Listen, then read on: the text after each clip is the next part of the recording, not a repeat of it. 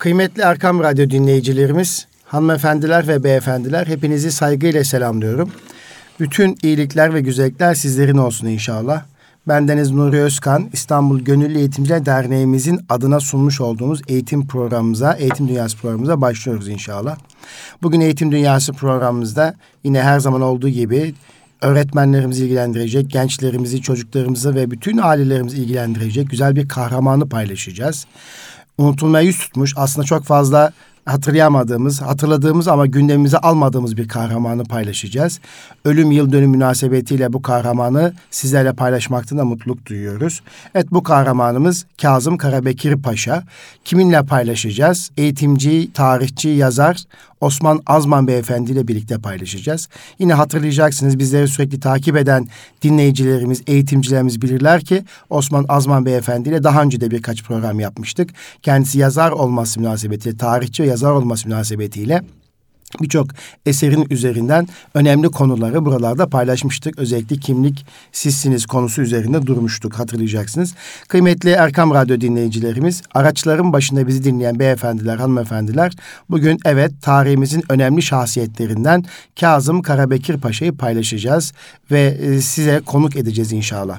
Evet öncelikle misafirimize ben hoş geldiniz demek istiyorum. Hoş geldiniz efendim. Hoş bulduk sağ olun. Nasılsınız iyisiniz? Çok şükür hamdolsun. Evet. Sizler nasılsınız? Teşekkür ederim. Bize bir cumartesi günü Eğitim Dünyası programına zaman ayırdığınız için çok teşekkür ederiz gerçekten. Evet biliyoruz e, sizler tarihimizdeki önemli olayları, durumları yazar olarak gündemimize taşıyorsunuz. Gençliğimizin gündemine taşıyorsunuz.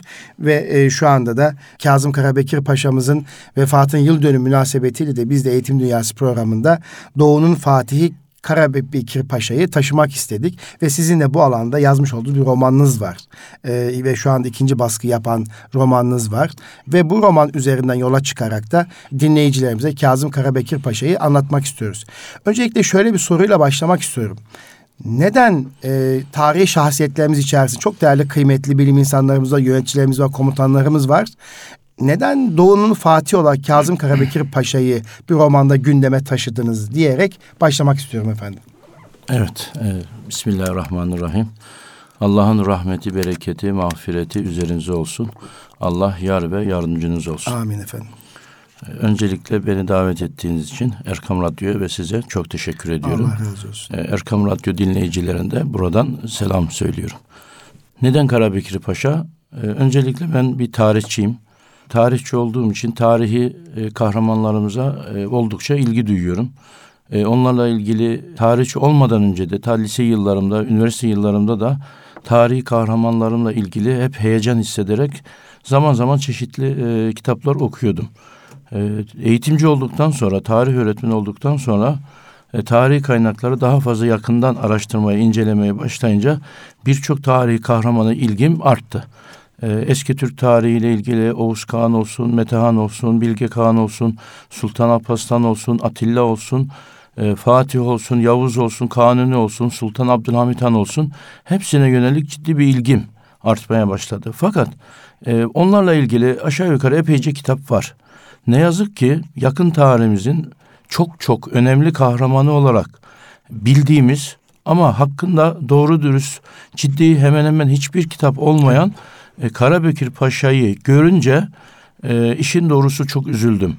Doğuyu kurtaran kişi, Doğuluların ifadesiyle Doğu'nun Fatihi diye kendilerin ifade ettiği böyle bir kahramanı ne yazık ki okuldaki ders kitaplarımızda bile e, en fazla bir satır iki satırla öğrencilerimizin önüne konulunca daha da üzüldüm ve Karabekir Paşa'yı e, okumaya, araştırmaya başladım. Araştırdıkça, okudukça, kaynaklara indikçe daha doğrusu Karabekir Paşa ile ilgili yazılmış çok fazla kitap yok. Kendisinin yazmış olduğu çok sayıda kitap olduğu için e, onun kitaplarını okuyarak o dönemi ve Karabekir Paşa'yı anlamaya çalıştım. Anladıkça Karabekir Paşa'nın bilinenin aksine çok daha büyük bir kahraman, değerli bir insan olduğunu, e, Türk tarihine önemli bir kişilik olduğunu hatta Kurtuluş Savaşı'nın kaderini belirlediğini, seyrini değiştirdiğini görünce onunla ilgili bir çalışma yapma ihtiyacı ortaya hı hı. çıktı Ve ilginçtir,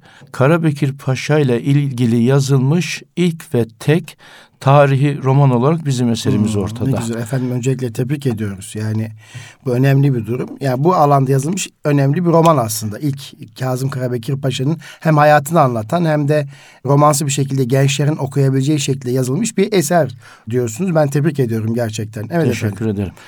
Bu e, alanında yazılmış ilk ve tek maalesef.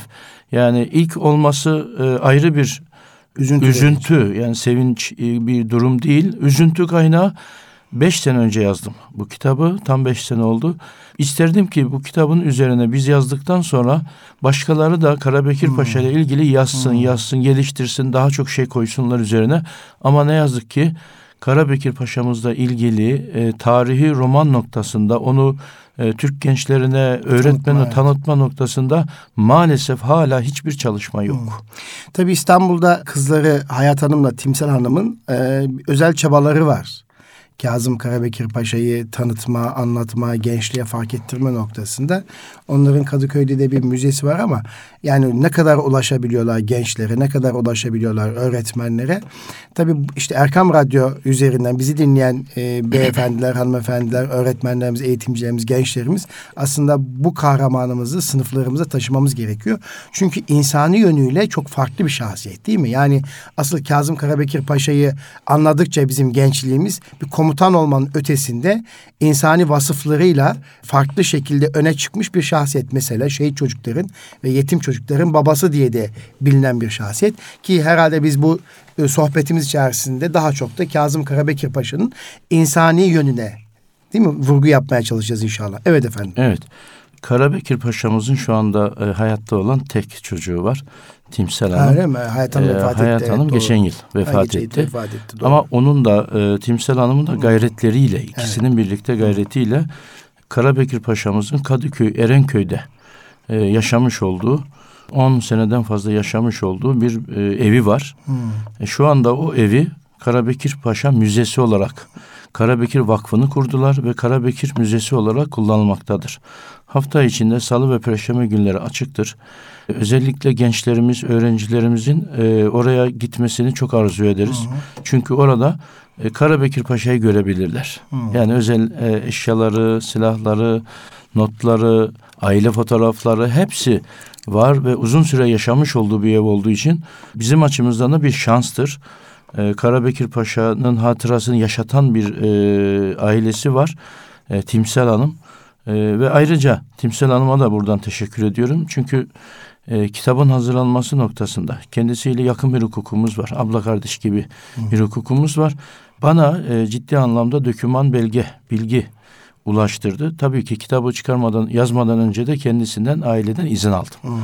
E, çünkü hala hayatta yaşayan bir e, evladı var ve e, Karabekir Paşa ile ilgili ciddi çalışmalar olan bir aile. E, onlardan izin almadan, görüşmeden böyle bir yola girmek nezaketsizlik olur Evet. diye düşündüğüm için e, Timsel Hanım'dan da müsaade isteyerek ayrıca destek ve yardım alarak da e, bu kitabın oluşmasında ciddi katkıları olmuştur. Evet. Efendim biz de Timsah Hanım'a buradan teşekkür ediyoruz. Şimdi e, tabii Doğu'nun Fatih olarak anılan Kazım Karabekir Paşa'nın Ermenilerle ciddi bir mücadelesi olmuştur. E, özellikle işte bu 24 Nisan geldiğinde de e, dünya e, bize karşı bu e, zulmü kullanmaya çalışıyorlar. Bir, onların bize yapmış olduğu mezalimi sanki o Soykırım. soykırımı bize yıkmaya çalışıyorlar. Ama aslında Ermenilerin doğuda başta olmak üzere birçok yerde ciddi bir zulmü olmuş. İnsanlar katledilmiş, çocuklar katledilmiş, evler yakılmış değil mi? Özellikle Erzincan'dan itibaren Kazım Karabekir Paşa doğuya girdiğin o görevi aldığında e, o vahim tabloyu gördüğünde değil mi ciddi bir hüzün içerisinde olmuştur. Ve buradan başlayarak ki romanınızda da bahsediyorsunuz bunları. Buradan başlayarak e, nasıl bir mücadele sergilemiştir? Sonra milli mücadeleye nasıl bir katılımı olmuştur Kazım Karabekir Paşa'nın? Ve e, özel bu başarıyı nasıl sağlamıştır? Kars'a bayrağı nasıl dikmiştir? Buradan devam ederek insani yönüne doğru e, gidelim diye düşünüyorum. Siz de uygun görürseniz efendim. Tabii ki. Evet. Ee, Karabekir Paşa e, doğuya iki kez atanmıştır. Hmm. Birisi Birinci Dünya Savaşı'nın sonlarına doğru e, Kafkas ordusunda bir komutan olarak atanmıştır. Evet. Rusların çekilmesiyle birlikte doğudan o bölgedeki boşluğu doldurmak ve orayı düşman işgalinden kurtarmak amacıyla bir görevini görüyoruz. Ee, Erzincan'dan itibaren Erzincan, Erzurum, Sarıkamış, Kars, Ardahan, Artvin, Batum'a kadar hatta daha da öteye doğru gitmiştir. Ee, Nahçıvan'a kadar, Tebriz'e kadar Karabekir Paşa'yı görüyoruz. Fakat e, Birinci Dünya Savaşı'nın sonlanmasıyla birlikte Mondros Ateşkes Anlaşması'yla birlikte Karabekir Paşa diğer bütün Türk subayları gibi İstanbul'a davet edilmiştir. Yani belki de tabi tarih e, bazen bir kararla bir anlık gelişmeyle değişebiliyor. E, o üzücü ateşkes olmasaymış e, Karabekir Paşa belki de oradan daha da öteye gidebilecekti. Yani Türk dünyasına doğru gidebilecekti. Bilemiyoruz onu. Birincisi bu. İkincisi Kurtuluş Savaşı e, sürecinde e, bizzat kendi isteğiyle İstanbul'da e, görev İstanbul'a davet edildikten sonra ki öncelikle şunu söyleyelim. Karabekir Paşa İstanbul'a gelirken İngiliz bayraklarını görüyor İstanbul'da ve şu meşhur sözünü söylüyor. Tek dağ başı mezar oluncaya kadar düşmanlarla mücadele edeceğim. Ya istiklal ya ölüm. Bu tek söz dağ başı tek dağ başı mezar, mezar oluncaya, kadar, kadar düşmanlarla mücadele, mücadele edeceğim. edeceğim. Ya istiklal ya ölüm. ölüm Bu söz Karabekir Paşa'mıza aittir. Hmm. Bu e, gördükten sonra e, İstanbul'da bir süre kalıyorlar. İstanbul'daki diğer e, komutan ekibiyle birlikte Mustafa Kemal Paşa ve diğerleriyle birlikte İstanbul'da defalarca görüşme yaparak e, Anadolu'ya geçme isteğini e, ifade ediyor.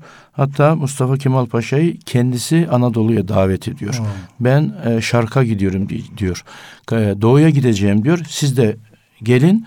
E, Anadolu'nun kurtuluşu Şark'tadır. Hmm. Şark'a gidersek, gidersek orayı kurtarırsak oradan batıyı hmm. kurtarmak daha kolaydır. Hmm. E, bu görüşmelerden sonra kendisi hmm. kendi isteğiyle bizzat e, Osmanlı Genel Kurmay'dan ki bu arada e, dönemin sadrazamı Ahmet İzzet Paşa Karabekir Paşa'nın Genelkurmay Başkanı olmasını istiyor. Hmm. İşgal altındaki bir ülkenin reddediyor bu teklifi. Yani bu, bu buradan şunu görebiliyoruz. Karabekir Paşa'da bir makam hırsı yok. Hmm. Bir nefis yok. Evet. E, bu çok önemli. Reddediyor ve e, kendi e, isteğiyle doğuya tayinini aldırıyor ve e, Erzurum'a doğru yola çıkıyor. 19 Nisan 1919'da e, Karabekir Paşa Anadolu'ya ilk çıkan komutan olarak kendisini görüyoruz.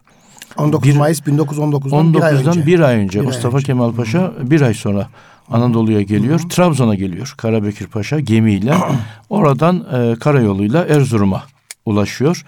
Ve e, Erzurum'da e, görevi devralıyor ve oradan başlıyor mücadelesine. İlk Osmanlı e, ordularında Kafkas ordusu komutanı olarak da geldiğinde ikinci kez Kurtuluş Savaşı için geldiğinde de Ermenilerin yapmış olduğu katliamları o acı gerçekleri hmm. görüyor. Korkunç katliamlar, korkunç işkencelerle öyle sadece kurşun e, atarak öldürme şekliyle değil e, her yakma, şekilde ağaca yakma, asma, ağaca asma, kaza, kesme, kaza oturtma, evet. hamile kadınların ya. karınlarını deşme, onların cinsiyetlerini öğrenme noktasında birbirleriyle yarış yaparak canlı canlı hamile kadınların karınlarını deşerek bunların hepsine şahit olmuş. Bu belgelerin e, tamamı, bu olayların tamamını ya görmüştür ya da kendisine aktarılmıştır. İşte ben de bu kitabın içerisinde e, yaşanan doğuda e, Ermenilerin yapmış olduğu katliamların belgesini kitabın içerisine romanın arasına koydum. Hmm. Yani kitabımız aynı zamanda bir belgesel roman hmm. özelliğinde evet. taşımaktadır. Yani sadece bir senaryodan ibaret değil. Evet. Peki Kazım Karabekir Paşa doğuda Ermeniler karşı mücadelesini sergilerken e, tabii bu üzücü olayları görüyor ama sonra bir başarı da kazanıyor Ermenilere karşı ciddi bir başarı elde evet. ediyor. Bunu bu başarıyı yaparken neler yapmıştır? Nasıl bir özellik yani bir harekat tarzı belirlenmişti? Bu konuda paylaşmak istediğiniz bir şey var mı efendim? Tabii. Ee, şimdi Karabekir Paşa önce asker. Müthiş bir asker. Ee, o dönemin şartlarında e, Osmanlı e, Harp Okulu'nda, Harp Akademisi'nde yetişen komutanların tamamı kaliteli. Ee, o dönemi aslında çok iyi incelemek lazım. Neden böyle bir başarı var? Mesela Karabekir Paşa dört dil öğrenmiş. E, askerlik hayatında öğrenmiş. Bunu öğrenciliğinde öğrenmiş. Mesela Almanca biliyor. Almanca bilen çok sayıda subayımız yok. Hmm. Fransızca biliyor, Rusça biliyor, hmm. Bulgarca biliyor. Hmm. Dört tane dil biliyor ama özellikle Almanca bilmesi hmm. Birinci Dünya Savaşı esnasında Almanlarla müttefik olduğumuz için e, Almanlarla olan ilişkileri e, o bağlantıyı kurma noktasında Karabekir Paşa'nın ayrı bir rolü var. Hmm. E, öncelikle Karabekir Paşa'yı birçok e, askeri alanda görüyoruz. Başarılarını görüyoruz. Önce ilk görev yeri işte Manastır'a atanıyor. Burada İttihat ve Terakki'nin kurucularından dır kendisi aynı zamanda. Hmm. Enver Paşa'yla tanıştığını, Talat Paşa'yla tanıştığını görüyoruz. Sonra 31 Mart vakasında e, İstanbul'a gelen e, ekibin içerisinde olduğunu görüyoruz. Daha sonra e, Arnavut isyanının bastırılması sırasında Arnavutluk'ta evet. görüyoruz. Balkan Savaşları'nda e, Trakya sınır komutanı olarak görüyoruz. Edirne'nin geri alınmasında Karabekir Paşa'yı görüyoruz. Bu arada Bulgarların elinde esir düşüyor. Birkaç ay Bulgarların arasında esir düşüyor. Ardından Karabekir Paşa'yı Çanakkale Savaşı'nda görüyoruz. Kimse bilmiyor bunu. Ee, evet, yani bizim e, okuyucularımız evet. Karabekir Paşa denince sadece akla Doğu geldiğini evet, zannediyor. Evet, evet. Aslında yanlış bir bilgi, eksik bir bilgi. Karabekir Paşa Alçıtepe komutanı diye bilinir. Alçıtepe kahramanı diye nam salmış birisidir. Sadece Doğu'nun fatihi değil. Yani birinci e, Çanakkale cephesinin ilk başlangıç yeri olan Seddülbahir e, bölgesine yakın olan Alçıtepe'de, Kerevizdere'de Fransızlara karşı, Fransızları çok az e, asker ve cephaneyle üç buçuk ay durduran ve Fransızları püskürten çok değerli bir komutan. Aslında Çanakkale'yi anlatırken Çanakkale cephesini anlatırken Karabekir Paşa'dan da söz etmek gerekiyor. Ama ne yazık ki e, bugüne kadar Karabekir Paşa'nın e, Çanakkale'deki o kahramanlığını, destansı mücadelesini anlatan yok. Evet. Oradan Karabekir Paşa'yı yine bir asker olarak Kutul Amare'de görüyoruz. Hmm. Bu da enteresan. Kutul Amare'de evet. e, Halil Kut Paşa'nın hmm. yanında kurmay hmm. yardımcısı. Hmm. Orada görüyoruz. Yani orada e, İngilizlerin e, tarihlerindeki en büyük e, yenilgiyi tattıran ordunun başındaki komutanlardan birisi. Hmm. Ee, orada bir kurmay e, komutanı, çok önemli bir komutan Irak bölgesinde. Ee, burada aynı zamanda Kutul Amare kahramanı da diyebiliriz. Hmm. Sadece Alçıtepe kahramanı değil, hmm. sadece Doğu'nun fatihi değil, aynı zamanda Kutul Amare'de onu görüyoruz. Ne yazık ki Kutul Amare'de Karabekir'den bahsedilmiyor. Hmm. Orada ilk giden e, Süleyman askeri var. Teşkilat-ı Mahsusa'nın evet. kurucu lideri diyebildiğimiz. E, daha sonra Halil Kut Paşa'yı biliyoruz ki onun e, ismi bölgeden dolayı daha sonra Kut olacak. Ama onun hemen yanındaki kişi Karabekir Paşa. Hmm. Müthiş bir e, başarı öyküsü. İşte oradan Kafkas ordularında yine bir komutan olarak doğuya az önce bahsettiğim şehirlerin e, geri alınması noktasında ki çok tehlikeli bir görev. Çünkü e, Ruslar çekilmeye başlayınca onların yerini Ermeniler, Gürcüler, e, e, İngilizler doldurmaya başlamıştı. Tam o süreçte Karabekir Paşa doğudaki o illeri hatta Batum'u, işte Nahçıvan'ı, Tebriz'i e, Ermenilerin elinden geri alan büyük bir komutan. Evet.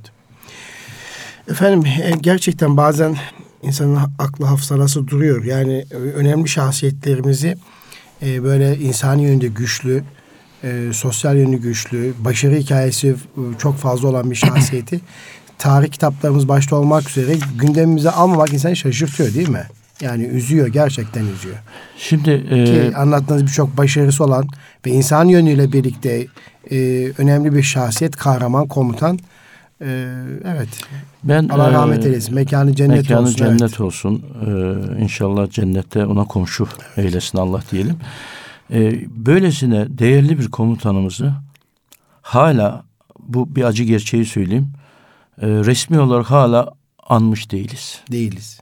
Yani devlet nezdinde de hala anmıyoruz. Bu bu çok acı bir durum. Atatürk'te olan bir bir ara bir sürtüşmesinden dolayı mı bu gündeme Türk toplumuna böyle bir şekilde yerleştirildi? Böyle bir bilerek mi yapılıyor bir veya nasıl Şimdi, bir yanlış anlaşılma e, var? Bizim ülkemiz çok farklı insanlarla aslında barıştı. Yani Nazım Hikmet'le bile ne, barıştı. Değil mi? Yani Nazım Hikmet'le barışan bir ülke Kazım Karabekir Paşa'yı niye hala anmıyor bu anlaşılmaz. Bundan 11-12 sene önce dönemin bir genelkurmay başkanı tarafından bir kere ilk ve son kez o da Genelkurmay tarafından anıldı. Onun dışında devlet nezdinde, bakanlıklar nezdinde e, hala Karabekir Paşa resmi olarak anılmıyor. Bu evet tabii ki elbette e, Kurtuluş Savaşı'ndan sonraki yıllarda Cumhuriyet'in ilanından sonra e, Mustafa Kemal Paşa ile yönetim anlayışı noktasında hmm. bazı farklı düşüncelerinden dolayı aralarında ayrılıklar girmiştir. Ama bu hiçbir zaman düşmanlığa dönüşmemiştir, husumete dönüşmemiştir.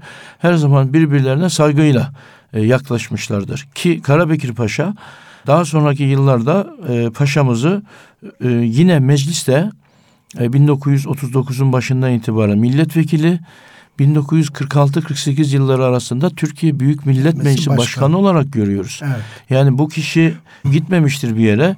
Yine ülkesine, yine hizmet etmek için e, bütün varlığıyla ortada ve meclis başkanı iken vefat eden bir evet. insan. Yani devletimizin burada e, bizi dinleyen yetkilileri varsa onlara sesleniyoruz buradan.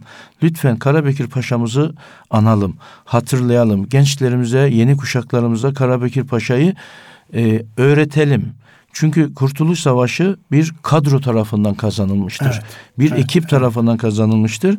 Bu ekibin her bir ferdi çok değerlidir. Mustafa Kemal Paşa çok değerlidir, Karabekir Paşa çok değerlidir, Ali Fuat Paşa çok değerlidir, Rauf Orba çok değerlidir, Refet Bele ve diğer bütün o kurmay kadrosu, o generaller ekibi gerçekten çok kıymetlidir, değerlidir ve e, bize düşen işte ben de bu yüzden yazdım zaten. Evet. Yani Karabekir Paşa'mıza haksızlık edildiğini düşünüyorum. Evet. Onu e, bilerek anılmadığını düşünüyorum ve sahip çıkmak adına bir zerre katkı sunmak adına e, Karabekir Paşa ile ilgili böyle bir yola çıktık. Şimdi Karaman'ın bir ilçesi var. Kazım Karabekir diye. Yani orayla bir şey olarak e, soy itibar bağlantı var mı yoksa o ilçeye sonradan mı ad verdi? Bu konu bilginiz var mı sizin? Karabekir Paşa e, aslında e, Karabekirli. Evet. Gerçekten? Konya, evet. Karaman hmm. ve bugünkü Kazım Karabekir e, Karabekir ilçesine hmm. bağlı. Yani babası oralı. He. Karabekir ilçesinde. Ama normal İstanbul doğumlu aslında. İstanbul Fatih doğumlu. Doğum, evet. E, ama kökenleri Konya, Karaman, Karabekir. Timsel Hanım'ı bugün okula çağırmıştım ben. İçinizde Karaman olan var mı dedi. Ben de okul müdürüydüm. Parmağımı kaldırdım. Gel hemşerim gel dedi böyle. Ondan sen biliyor musun biz oralıyız dedi. Yani orada ilçemiz var Kazım Karabekir ama ilçeye ad olarak mı verildi yoksa oralı mısınız onu bilmiyorum dedim. E, oralıdır. Evet. E, o bölgedendir. Ama bizim insanımız Karabekir'i Erzurumlu sanır. Değil mi? Evet. Bir de böyle çok enteresan. Doğulu evet. sanır. Bu da güzel bir şey aslında. Evet. Çünkü bölge insanının Karabekir'e sahip çıkması, kendinden evet. görmesi ve bu ünvanı yani Doğu'nun Fatihi e, benim e, kitabımın adı odur ama evet. benim koyduğum bir isim değil. E, yani e, bu resmi evet. olarak Doğu'nun Fatihi orada verilmiş bir ünvandır. Halkın vermiş olduğu ünvandır çünkü iki kere Doğu'yu kurtarmış büyük bir kahramandır. Bir de şehit çocuklar ve yetim çocuklarla ilgili özel teşkilatlar kurduğunu biliyoruz. Yetimhaneler kurduğunu biliyoruz. Özel bir e, e, ilgisi oluşmuş. Yani biraz da insan yönü açısından Kazım Karabekir Paşa'yı değerlendirecek olursak. Tabii ülkenin içerisinde yaşadığı o zulmü görünce, o yetim bırakılan çocukları görünce, insani ve vicdani yönü güçlü olan herhangi bir insan bu mücadele yapabilirdi belki ama Kazım Karabekir Paşa'nın çok ciddi bir gayreti olmuştur. Daha sonra da çok ciddi bir gayreti olmuştur. Bu konuda biraz e, konuyu derinleştirebilir miyiz efendim? Şimdi e, Karabekir Paşa doğuya gittiği zaman gördüğü manzara korkunç. Anne babası e, Ermeniler tarafından şehit edilmiş ya da savaşlarda ölen e, gayrimüslim çocukları hmm. onları da görünce Karabekir Paşa çok vicdanlı bir insan, çok merhametli bir insan. İşte burada Karabekir Paşa'nın diğer komutanlarından çok farklı bir yönünü ortaya koyacağız. Evet. Yoksa her komutanımız ayrı bir değerdir ama Karabekir Paşa'nın onlardan ayrılan bir sürü özelliği var. Bunların başında da e, Doğu'da mücadelesi esnasında 6 bine yakın e, yetim çocuğa sahip çıkmıştır. Bunların dört bini erkek, iki bini kız çocuğudur. Hmm. Ve bunların büyük çoğunluğu Müslüman olmasına rağmen bir kısmı da gayrimüslimdir. Hmm. Yani savaşlarda anne babası ölüp ortada kalan çocuklara e, ayrım yapmadan insan oldukları için, masum bebek çocuk oldukları için din, ırk ayrımı yapmadan sahip çıkmıştır. Bu da Karabekir'in ne kadar e, insani bir, bir yönünün olduğunu, vicdanlı bir yönünün olduğunu evet. gösteriyor Ve e, Karabekir Paşa bu çocukları alıp e, eğitiyor, yetiştiriyor. Onları yeteneklerine göre çeşitli okullara evet. e, veriyor ve e, onları çeşitli meslek sahipleri yapıyor. Trabzon e, yetimhanesinde kalan e, gayrimüslim Ermeni çocukları e, orada resim öğreniyorlar ve Karabekir Paşa'ya ileride bir e, yağlı boya tablo gönderiyorlar. Hmm. Karabekir'in resmi hmm. var ve işte Trabzon yetimhanesinden diye oradaki Ermeni çocukların yetimlerin babası Karabekir'e evet. diye bir not düşüyorlar. O e, resim bugün Kazım Karabekir Müzesi'nde sergilenmektedir. Hmm. Mesela yani burada Karabekir'i sadece Müslüman çocuklarına değil bütün çocuklara ayrım yapmadan sahip çıktığını görüyoruz. 6 bin çocuk yani inanılmaz bir rakam.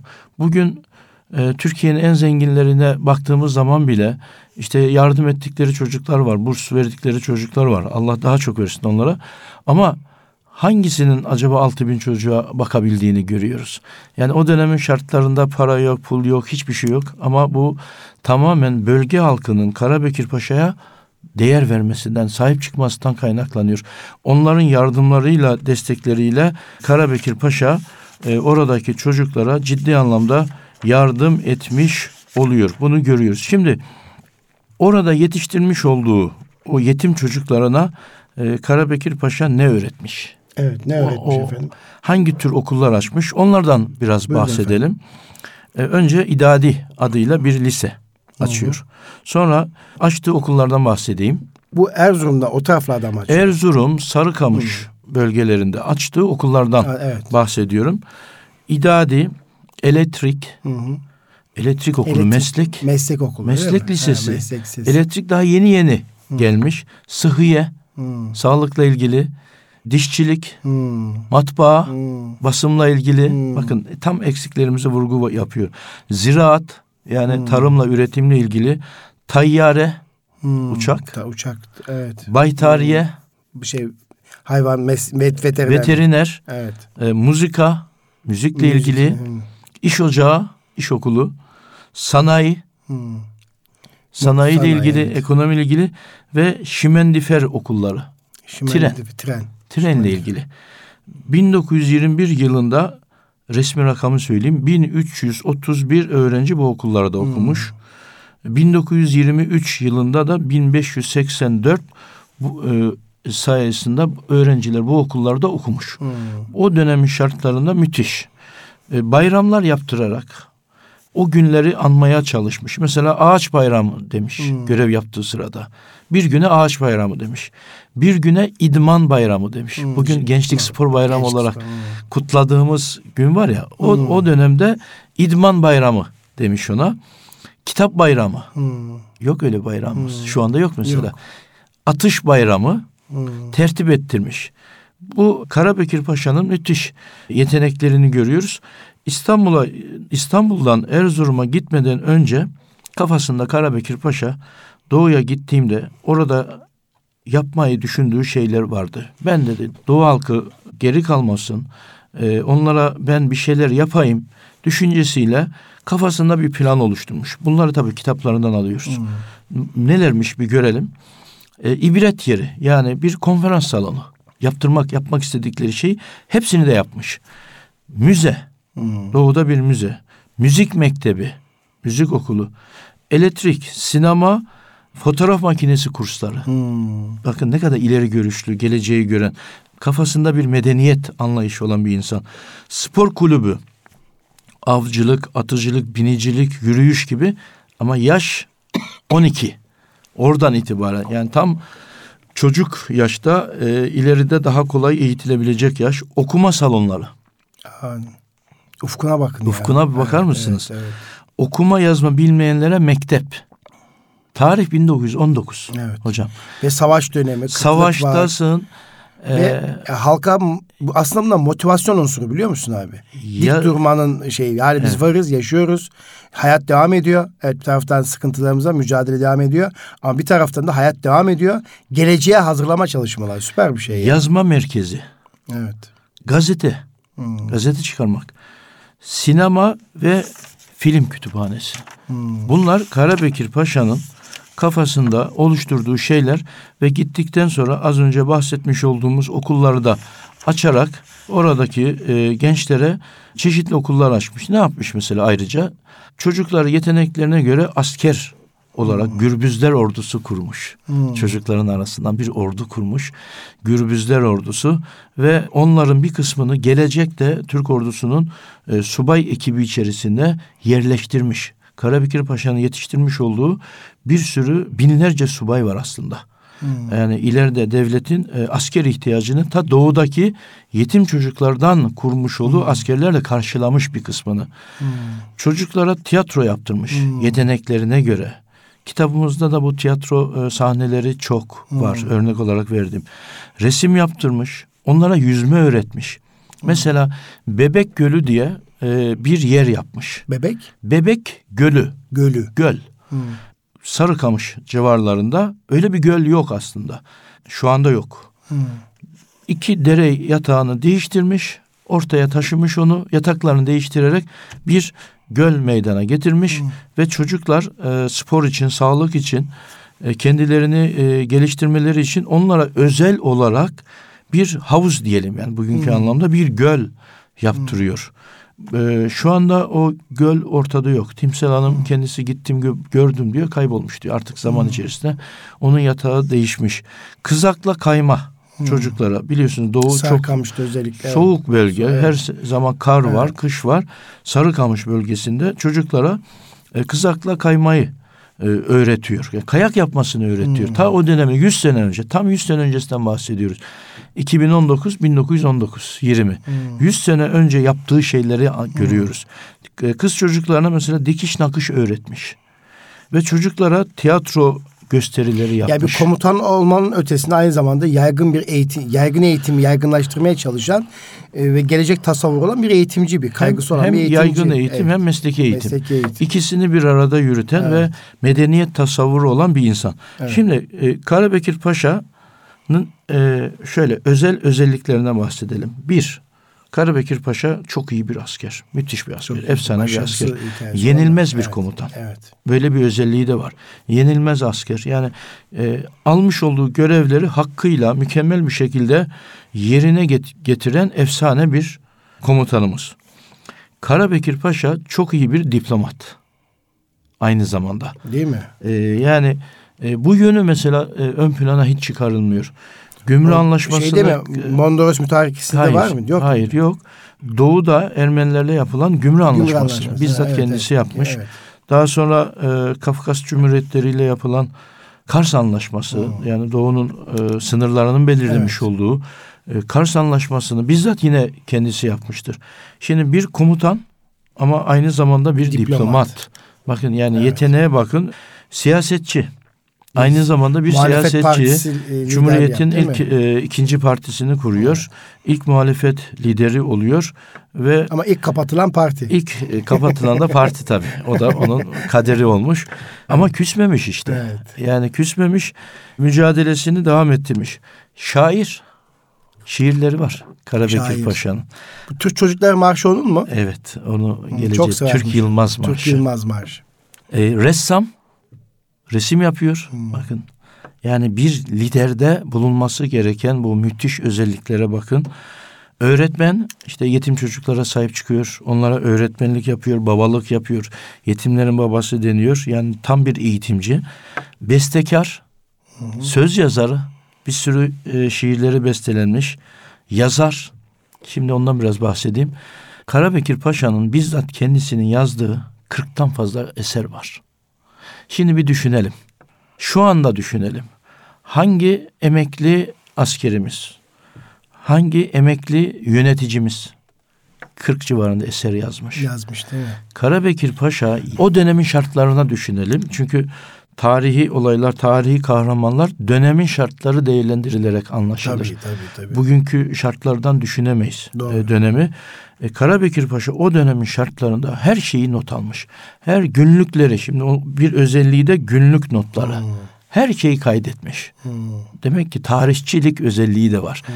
Kaynak e, yapmış, belgeler oluşturmuş, arşiv oluşturmuş ve ileride milletvekilliğine ayrıldıktan sonra Erenköy'deki evinde e, uzlete çekildiğinde e, orada işte bu kitapları yazmış. Müthiş bir şey. Yani 40'a yakın demek ki bir yazar Karabekir Paşa. E, müzik aletleri de çalıyor. Keman Hı. ve piyano çalıyor. Yani düşünebiliyor musunuz? Çok yönlü bir şahsiyet. Yani bunları yani, nasıl öğrenmiş, nasıl çalmış, marş yazarı ve tabii ki iyi bir aile babası. Değil mi? Aynı zamanda. Evet. Yani bu kadar vasıfların olduğu ben e, yakın geçmişimizde başka bir subay tanımıyorum. Hepsini seviyoruz, hepsine değer veriyoruz ama Karabekir Paşa'nın hepsinden farklı işte bu saydığımız, anlatmaya çalıştığımız e, bir sürü özelliği var. Evet. Bu Türk Yılmaz Marşı'ndan da bahsederek ondan sonra programın sonuna doğru geliyoruz. Çok da sevdiği bir marş. Evet. Ee, dediniz ya birazdan bahsedeceğim diye. Yani Türk Yılmaz Marşı kendisinin yazdığı bir marş değil mi? Türk Bizzat Yılmaz. kendisinin yazdığı bir marş. Evet. Kitabın içerisinde de farklı e, zaman e, sayfalarda birkaç kere aldım. E, onu Türk Yılmaz Marşı'nın Timsah Hanım ee, çok güzel okur. Özellikle e, coşkulu bir şekilde. Bunu çocuklara besteletti. Çocukları okuduğu, o yetim çocukların okuduğu, hmm. Gürbüzler ordusunun okuduğu bir marştır. Ee, Türk Yılmaz, Cihan Yıkılsa Türk, Türk Yılmaz, Yılmaz diye evet. e, bildiğimiz şu anda Orijinali var. Sevgili dinleyicilerimiz eğer internette YouTube'a girerse Türk Yılmaz Marşı diye yazarsa karşılarında Karabekir Çok, Paşa'nın evet. orijinal orijinali şu anda Öyle tam mi? 100 sene öncesine hmm. ait. Yani günümüzde de ayrıca okuyanlar var ama orijinal o çocukların okumuş olduğu hmm. Türk Yılmaz Marşı'nı görebiliriz. Bu da e, Karabekir'in nasıl bir insan olduğunu da ortaya koyan önemli bir gerçek. Evet, kıymetli Erkam Radyo dinleyicilerimiz, hanımefendiler ve beyefendiler, tabii Eğitim Dünyası programımızın sonuna hemen geliveriyoruz. Biz bugün Doğu'nun Fatihi Kazım Karabekir Paşa'mızı rahmetle anıyoruz öncelikle. Allah rahmet e, etsin. E, kiminle birlikte andık? E, eğitimci, tarihçi, yazar Osman Azman Beyefendi ile birlikte Kazım Karabekir Paşa'mızın insani yönü başta olmak üzere komutanlık vasıflarını ve onun dışında diğer e, hobilerini anlamaya çalıştık ve o şahsiyetten kendimizi ders çıkartmaya çalışıyoruz. Umarım keyif almışsınızdır. Tabii Doğu'nun Fatih Kazım Karabekir Paşa önemli bir kahraman olmasına rağmen, önemli vasıfları olmasına rağmen anma günlerinde veya vefat yıl dönümünde veya bazı hususiyetleriyle birlikte çok fazla gündeme taşınmadığıyla alakalı hepimizin bir derdi var. Yazarımızın ayrıca bu konuda bir derdi var. Kazım Karabekir Paşa'mızın e, bu yönüyle de ön plan çıkmasını ve Türk gençliğini tanıtmak adına Doğu'nun Fatihi Karabekir Paşa diye bir roman, belgesel roman yazdığını ifade etti. Ve bu roman Son Kale yayınlarında şu anda satışa sunuluyor. Nasıl temin ederler? İnternetten mi temin edebilir dinleyicilerimiz? Tabii. E, internetten e, bütün kitap satış sitelerinde var. E, ayrıca birçok kitapçıda bulunmaktadır. Evet. Mehmet Niyazi Bey'in kitabın arkasında çok güzel bir yazı kalemi almış. Onu da paylaşmak isterim ki kitapta Mehmet Niyazi Bey'in sunumuyla kitap takdim edilmiş. Onundan bazı bölümünü sizinle paylaşmak isterim. Sonra inşallah programı kapatmak istiyorum. Evet e, Mehmet Niyazi hocamız şöyle bir takdim yazısı yazmış. Hiç şüphesiz milli mücadele son dönemde milletçe yaşadığımız ciddi bir dramdır. Adeta bizim için ölüm kalım kavşağıydı. Bu drama nasıl sürüklendiğimizi, buradan nasıl çıktığımızı bilmemiz için o yılları gayet iyi öğrenmeliyiz. Bu aynı zamanda benzer hatalar yapmamak için çok elzemdir. Görünüşte kumandanlar zaferleri ordularıyla kazanmaktadır. Fakat o orduların nasıl hazırlandığı, bu süreçte hangi engellerle boğuştuğu tarih kitaplarında pek yer almaz. Erzurum'da, Van'da, Kars'ta, yurdun değişik illerinde Ermenilerin yaptığı katliamları inkar etmek, entelektüel tarihçi olmanın adeta bir şart olarak görülmektedir.